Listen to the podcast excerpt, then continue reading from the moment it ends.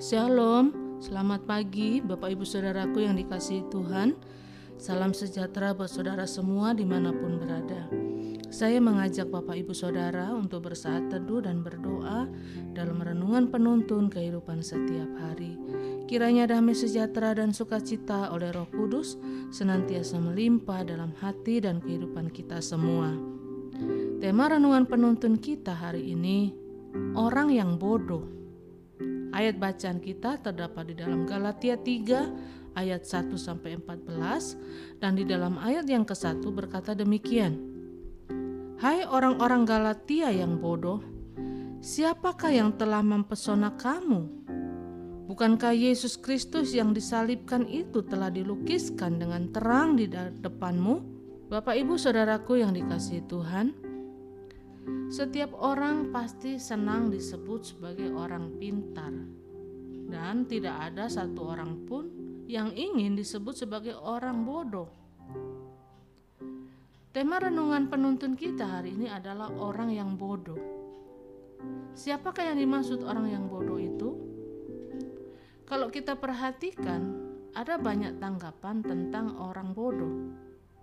Ada banyak definisi tentang bodoh ini. Tetapi di sini Alkitab juga punya definisi yang berbeda tentang kebodohan.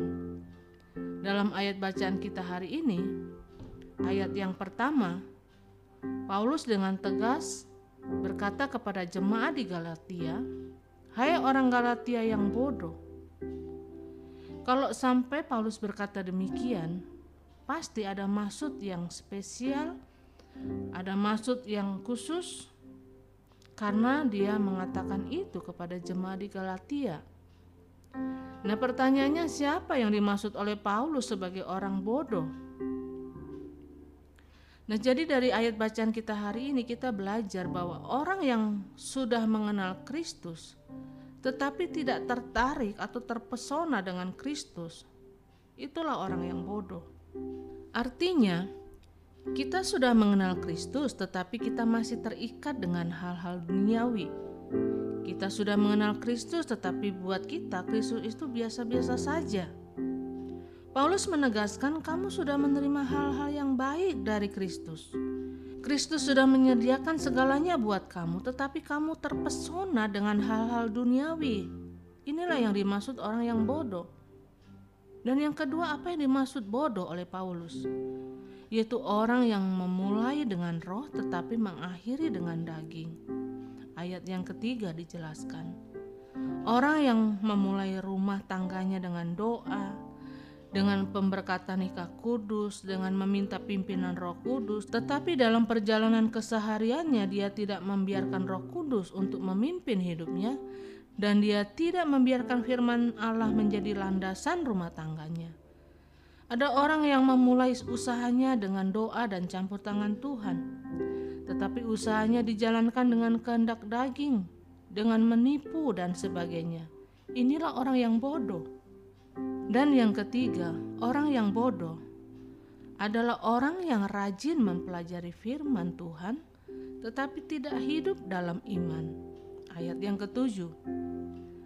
Kalau ada orang yang rajin mempelajari firman Tuhan tetapi tidak hidup di dalam firman, maka dia tidak akan merasakan manfaat firman Tuhan itu dalam hidupnya. Sehingga meskipun dia rajin pergi ke gereja, rajin membaca Alkitab tetapi tidak pernah mengalami mujizat. Mengapa demikian? Karena kita mau hidup dengan kekuatan kita sendiri, kita mau hidup dengan apa yang kita anggap baik, untuk diri kita sendiri, tetapi waktu kita hidup dalam iman, di situlah kita akan melihat berkat Allah tercurah buat setiap kita. Dan yang keempat yang dimaksud orang yang bodoh oleh Rasul Paulus adalah orang yang tidak menyadari bahwa Kristus telah menebus kita dari kutuk. Ayat 13 sampai 14. Orang-orang yang disebut bodoh adalah orang yang tidak menyadari bahwa Kristus telah menebus kita dari dosa dan kutuk, sehingga kita selalu berpikir bahwa kita masih terikat dengan kutuk.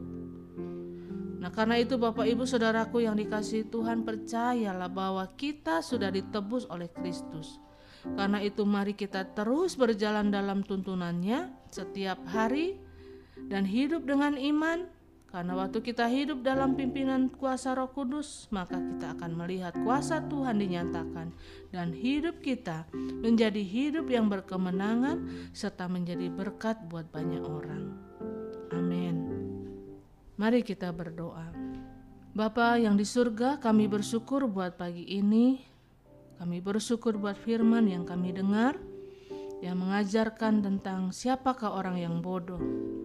Kami tahu Tuhan, kami sadari bahwa sering kali kami lebih tertarik, kami lebih terpesona dengan dunia ini daripada terpesona dengan Tuhan.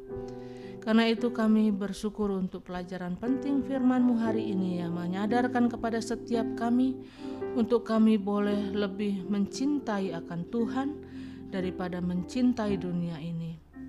Kami juga mau belajar Tuhan untuk senantiasa melakukan segala sesuatu yang sudah kami mulai dengan roh dan kami akhiri juga dengan roh.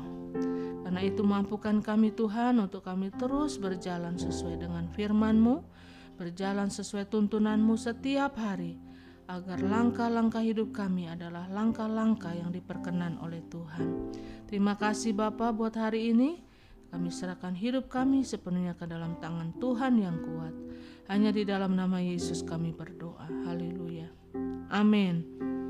Kiranya berkat yang sempurna dari Allah Bapa kita, kasih karunia dari Tuhan Yesus Kristus dan persekutuan yang indah dengan Roh Kudus menyertai kita semua dari sekarang ini dan sampai selama-lamanya. Maju terus dalam tuntunan Tuhan, tetap semangat, Sampai jumpa esok hari dalam penuntun kehidupan setiap hari, dan Tuhan Yesus memberkati.